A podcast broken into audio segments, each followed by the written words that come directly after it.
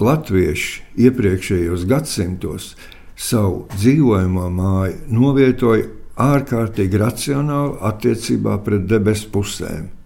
Dzīvojamais gals vienmēr bija vērsts uz austrumiem, dienvidu austrumiem vai dienvidu rietumiem, bet katrā ziņā tā, lai rīta saule viņu modinātu, cilvēku, lai viņām būtu dienas gaisma, sevišķi ziemā, un vakarā varētu kaut ko izdarīt. Līdz ar to loģiski, ka tā vieta, kur kurināja, tā bija pavērsta pret rietumiem, bet tas stūris, kur bija pieliekamais, tas noteikti pret ziemeļiem.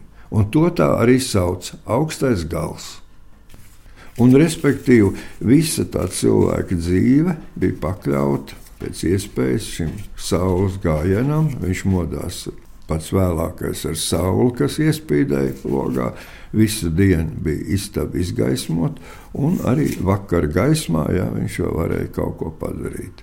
Un, protams, ziemā pie tā dienvidu loga pieliks stēles, ja, un tad tā īsajā, īsajā gaišajā laikā sievas tur, nu, vai, vai arī kur bija amatnieki, ja tie vīrieši bija, bet tā īsajā gaismas laikā centās visu saust, pareizāk sakot, sauda to, kas būs nepieciešams atkal nākamajai dzīvē, vasarai. Redziet, sadzīves tradīcijas ir lielā mērā atkarīgas no komforta līmeņa, no civilizācijas pakāpes.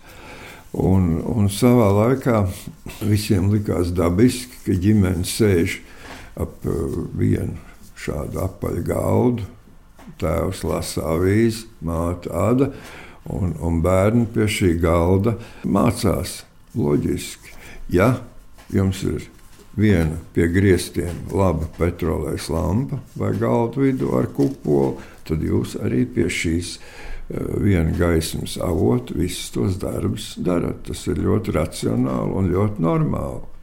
Ienākot elektrībai arī no sākuma, ja, tad, tad ir apaļā galda, bija viena lampa, viss tur sēdēja. Bet tikko tikko tā elektrība kļuva par ikdienišķu parādību. Tā katrs uzreiz pie savas lampas savā kaktā, ja, kas ir cilvēka dabai daudz raksturīgāk.